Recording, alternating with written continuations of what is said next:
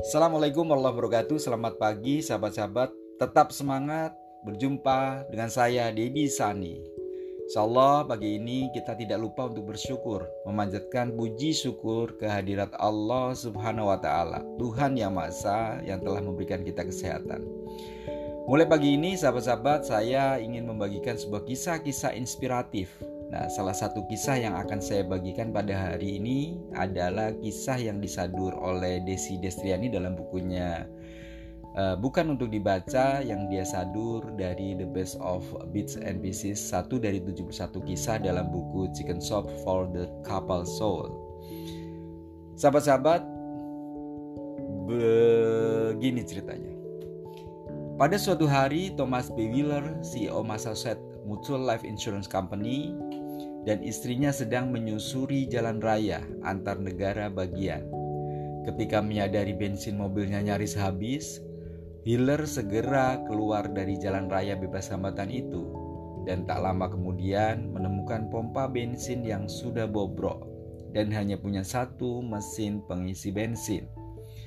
Setelah menyuruh satu-satunya petugas di situ untuk mengisi mobilnya dan mengecek oli, dia berjalan-jalan memutari pompa bensin itu untuk melemaskan kaki.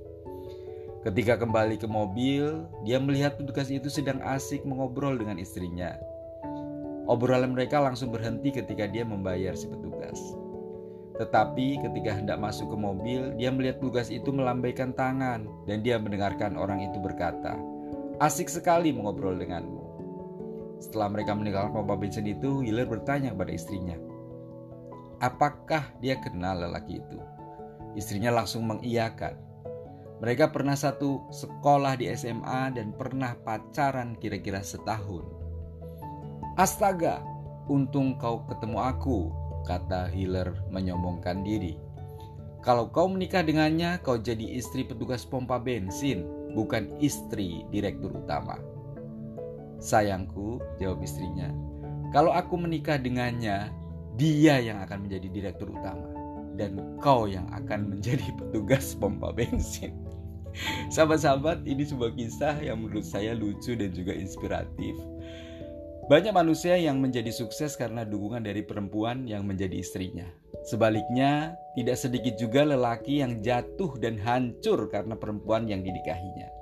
Jadi, pilihlah calon terbaik untuk pasangan hidup kita. Karena pernikahan adalah upaya penyatuan dua kekuatan yang jika berhasil melakukannya, maka keberhasilan pun akan kita raih. Untuk yang sudah menikah, sayangi istri-istri kita dan juga saling bersinergi untuk mewujudkan cita-cita keluarga. Sahabat, selamat pagi, semoga bermanfaat, tetap semangat. Assalamualaikum warahmatullahi wabarakatuh.